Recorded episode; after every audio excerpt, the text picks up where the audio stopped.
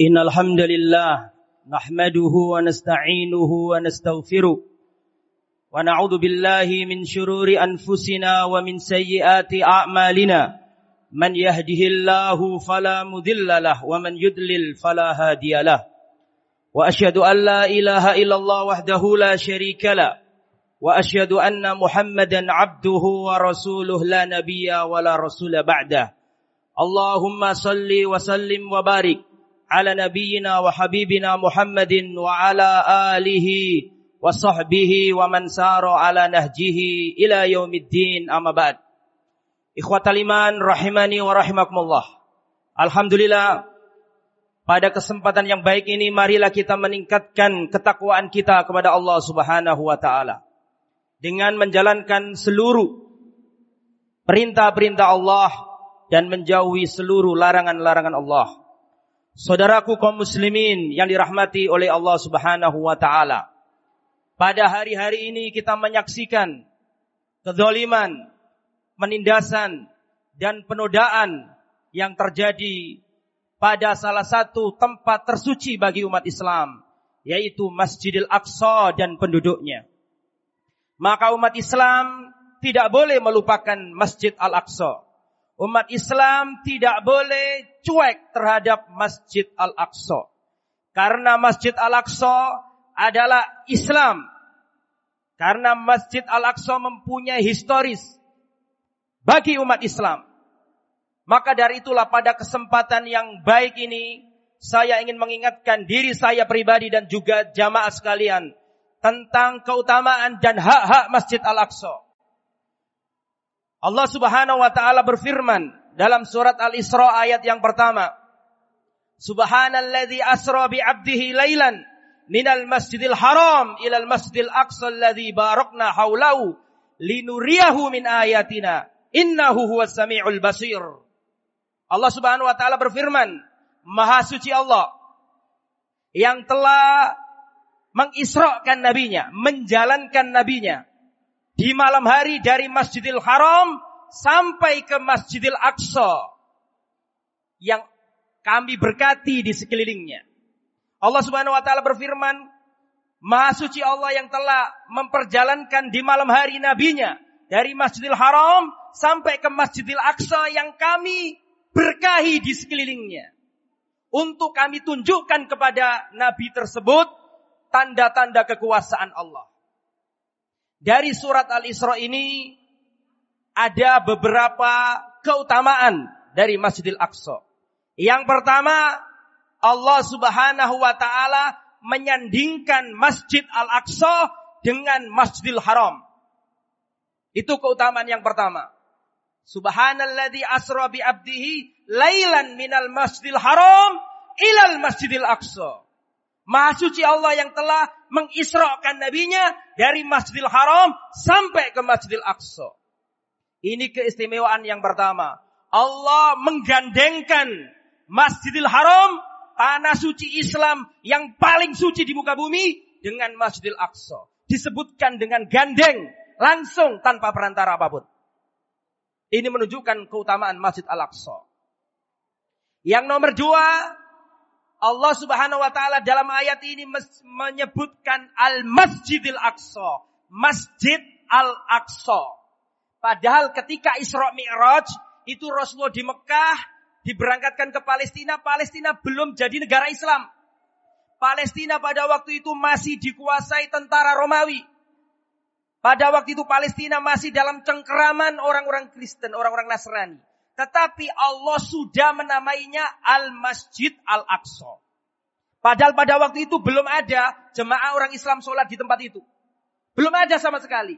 Orang Islam sholat di situ dipimpin dengan cara sholat kita belum ada. Tetapi meskipun demikian Allah sudah menamai masjid itu dengan Masjidil Aqsa. Kemudian keutamaan yang nomor tiga dari ayat ini, Allah katakan yang kami berkati di sekelilingnya. Artinya Masjidil Aqsa itu berada di tempat yang paling Allah berkati.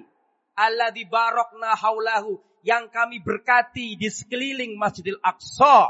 Berarti menurut firman Allah surat Al-Isra ayat pertama ini keutamaan yang nomor tiga adalah Allah Subhanahu wa taala meletakkan Masjidil Aqsa di tempat yang diberkati. Hotel imannya dirahmati oleh Allah. Kemudian di antara keutamaan yang selanjutnya yang nomor empat adalah Allah Subhanahu wa taala menunjukkan dalam ayat ini linuriyahu min ayatina untuk kami tunjukkan ayat-ayat kami kepada Muhammad. Berarti itu dalil bahwa di dalam Masjidil Aqsa di sana ada ayat-ayat ada tanda-tanda kekuasaan Allah Subhanahu wa taala. Kemudian dalil yang lain yang menunjukkan keutamaan Masjid Al-Aqsa yaitu keutamaan yang nomor lima. Rasulullah Shallallahu Alaihi Wasallam menyebutkan bahwa kita tidak boleh pergi ke suatu tempat dan menganggap tempat itu diberkati, menganggap tempat itu suci, menganggap tempat itu keramat kecuali tiga tempat saja. Di antaranya adalah Masjidil Haram, Masjid Nabawi, dan Masjidil Aqsa. Sebagaimana yang disabdakan Rasulullah sallallahu alaihi wasallam, "La rihal illa ila salasati masajid." Tidak boleh mengadakan perjalanan jauh dalam rangka menganggap tempat itu istimewa, beribadah di tempat itu kecuali tiga tempat. Yang pertama Al-Masjidil Haram, Masjidil Haram yang ada di Mekah. Yang kedua Masjidul Rasul, Masjid Nabawi yang ada di Medina. Dan yang nomor tiga adalah Al-Masjidul Aqsa, Masjid Al-Aqsa yang ada di Palestina. Ini keutamaan yang nomor lima. Kemudian keutamaan yang nomor enam, Allah Subhanahu wa taala menyebut tanah Al-Aqsa adalah tanah suci. Sebagaimana yang dihikayatkan dari Nabi Musa, "Ya qaumit khulul ardal muqaddasah." Wahai kaumku, ayo kita bebaskan tanah suci Masjidil Aqsa. Jadi keutamaan nomor enam tadi kita sebutkan bahwa Masjidil Aqsa adalah letaknya di tempat yang suci. Kemudian di kota Liman, keutamaan yang berikutnya bahwa sholat sekali di Masjid Al-Aqsa seperti atau lebih baik daripada sholat 250 kali di masjid-masjid yang lain.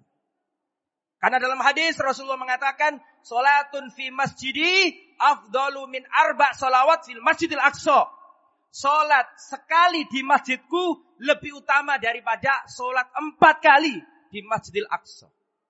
Kalau di masjidnya Rasul itu satu kali lebih baik daripada seribu sholat di masjid-masjid yang lain. Sedangkan di Masjid Al-Aqsa, kata Nabi, sholat di masjidku empat kali lebih afdol. Atau sholat di masjidku satu kali lebih afdol daripada empat kali di Masjid Al-Aqsa. Berarti logikanya, sholat di Masjidil Aqsa sekali lebih baik atau setara dengan sholat di masjid-masjid yang lain 250 kali. Kemudian, Masjidil Aqsa adalah tempat dikumpulkan manusia pada hari kiamat. Sebagaimana dalam hadis dikatakan, Baitul Maqdis, Al-Baitul Maqdis, Ardul Mahsyar wal Minsar. Bahwa Baitul Maqdis, tanah yang di dalamnya adalah Aqsa adalah tempat manusia akan dikumpulkan pada hari kiamat. Nanti padang mahsyar manusia akan digiring menuju Baitul Maqdis. Kemudian di antara keutamaan yang lain bahwa Masjidil Aqsa adalah masjid atau tempat yang dipilih oleh Allah untuk memberangkatkan nabinya ke Sidratul Muntaha. Bukan Mekah, bukan Medina, bukan Indonesia, tapi tempat yang dipilih oleh Allah sebagai tempat bertolaknya Rasulullah dari tanah menuju langit tingkat tujuh adalah Masjidil Aqsa. Ardul Mi'raj, Ardul Masrar Rasul, Isra wal Mi'raj. Dari tempat itulah Allah luncurkan Rasulullah wasallam sampai ke Sidratul Muntaha. Di antara keutamaan yang lain bahwa tempat inilah tempatnya para nabi. Anda kalau dalam sebuah riwayat, dalam Al-Quran, dalam hadis, diceritakan dahulu Nabi Zakaria berdoa. Hunalika da'a Zakaria Rabbah. Di sanalah Nabi Zakaria berdoa. Di mana itu? Di Masjidil Aqsa. Dulu Siti Maria mempunyai mihrab sebagaimana diceritakan dalam ayat. Ketahuilah mihrab itu di mana? Di Masjidil Aqsa. Ketahuilah cerita Ali Imran sampai Allah cantumkan cerita Ali Imran dalam Al-Qur'an, kejadiannya di mana? Di Masjidil Aqsa. Bumi para nabi, tempat ibadahnya para nabi adalah Masjidil Aqsa. Ini adalah mimbar Jumat. Tidak boleh saya berlama-lama dan menyampaikan semua riwayat tentang Masjidil Aqsa. Akan tapi paling tidak yang sedikit tadi menyadarkan kita kembali bahwa kita ini punya tempat suci selain Makkah dan Madinah. yang dirampas oleh kaum Zionis tidak boleh hilang dari ingatan-ingatan kita. Harus kita doakan. Harus kita berdoa untuk Masjidil Aqsa dan untuk penduduknya. Tidak boleh kita seperti gak ada apa-apa. Seperti gak ada sesuatu. Harus kita sedih. Tatkala Masjidil Aqsa dinudai dan penduduknya dilukai. Aku lukau lihada wa innahu al-ghafurur rahim.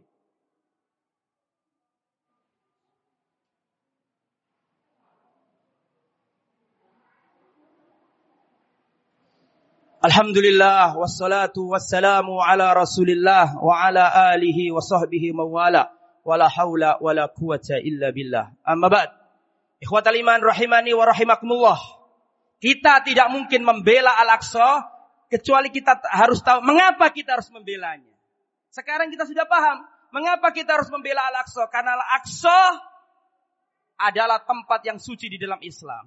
Lalu bagaimana cara kita menolong Masjidil Aqsa? Bagaimana cara kita menolong penduduk dari sekitar Masjidil Aqsa yang didolimi oleh tentara Zionis? Cara yang pertama adalah berdoa. Jangan sampai kita melupakan doa. Karena yang bisa merubah sesuatu bukan tentara, bukan senjata, bukan nuklir, bukan roket. Sesungguhnya yang bisa menolong kita dengan sesungguhnya pertolongan hanyalah Allah. Tidak ada yang lain. Maka jangan sampai kita tidak mendoakan saudara-saudara kita yang ada di Palestina. Doa usilahul mu'min. Doa adalah senjatanya kaum yang beriman. Senjata bisa melululantakkan tentara musuh yang tidak bisa dihancurkan oleh senjata mana pun. Maka jangan mengkerdilkan perang doa. Doa silahul mu'min. Doa adalah senjata orang-orang yang beriman. Jangan sampai kita lupa mendoakan saudara kita. Man lam yad'ullah yahzab alaihi. Barang siapa yang tidak berdoa kepada Allah, Allah murka kepadanya. Jangan sampai kita tidur, kita lihat TV. Kita berangkat kerja, tidur, makan, tidur, makan, istirahat. Tidak pernah kita memikirkan Al-Aqsa. Wallahi, kau akan ditanya pada hari kiamat. Kalau sampai tidak ada untayan kesedihan, untayan doa yang kau panjatkan kepada Allah untuk tanah Al-Aqsa. Harus ada dalam hati-hati kita. Berdoa ikhwatal iman. Yang nomor dua, cara menolong saudara-saudara kita di Palestina adalah banyak-banyak bertobat banyak-banyak istighfar.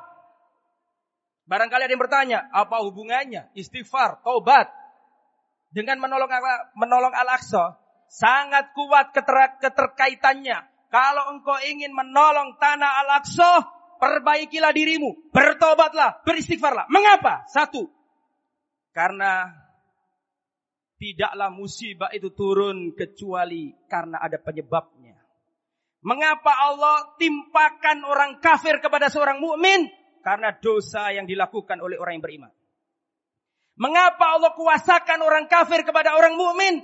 Karena dosa yang dilakukan oleh orang-orang yang beriman. Maka cara menolong al adalah kita harus meninggalkan dosa-dosa dan banyak beristighfar. Kenapa? Karena di antara yang menyebabkan doa-doa kita tidak dikabulkan oleh Allah adalah maksiat-maksiat yang kita lakukan. Kita sudah berdoa, ya Allah tolonglah Al-Aqsa. Tapi belum dikabulkan. Mungkin karena dosa-dosa kita yang menyebabkan belum dikabulkannya doa-doa kita. Itu iman harus kita kembali kepada agama Islam yang benar. Bertauhid, beritiba kepada Rasulullah SAW. Beragama dengan benar, berdoa dengan benar. Agar pertolongan Allah segera diturunkan untuk kaum muslimin. Yang ketiga, yang harus kita lakukan adalah menolong saudara kita dengan apa pun wasilahnya selama itu dibenarkan syariat. Yang jadi dokter, himpunlah. Bagaimana caranya agar obat-obat itu terkirim ke tanah Al-Aqsa, ke tanah Gaza, dan tanah-tanah Palestina yang lain. Yang sebagai pejabat negara, gunakan lobimu untuk menolong saudara-saudara kita yang ada di Palestina. Yang kaya raya, gunakan hartamu untuk menolong saudara-saudara kita yang ada di Palestina. Yang cerdas, yang pinter, tulis, gunakan ilmumu untuk menolong menolong saudara-saudara Al-Aqsa. Saudara yang dirahmati oleh Allah, hendaklah kita memikirkan saudara-saudara kita yang di sana bukan seorang mukmin kalau dia cuek dengan urusan mukmin yang lain. Semoga khutbah ini mengingatkan diri saya pribadi dan juga jamaah semuanya akan hak-hak saudara kita yang ada di Palestina. Semoga bermanfaat. Allahumma salli wa sallim wa barik ala nabiyina wa habibina Muhammad wa ala alihi wa sahbihi ajma'in. Allahumma gfir lil muslimina wal muslimat wal mu'minina wal mu'minat al ahya'i minhum wal anwat. Rabbana ufir lana dunubana wa israfana fi amrina wa thabbit aqdamana wansurna 'alal qaumil kafirin. Allahumma a'izzal Islam wal muslimin wa adil syirka wal musyrikin a'da'aka a'da'ad-din. Allahumma ansur ihwanana al mustadafina fi Filastin wa fi kulli makan. Unsurhum ya rabbal alamin. Wa sallallahu ala nabiyina Muhammad wa ala alihi wa sahbihi ajma'in. Walhamdulillahi rabbil alamin. Aqimissalam.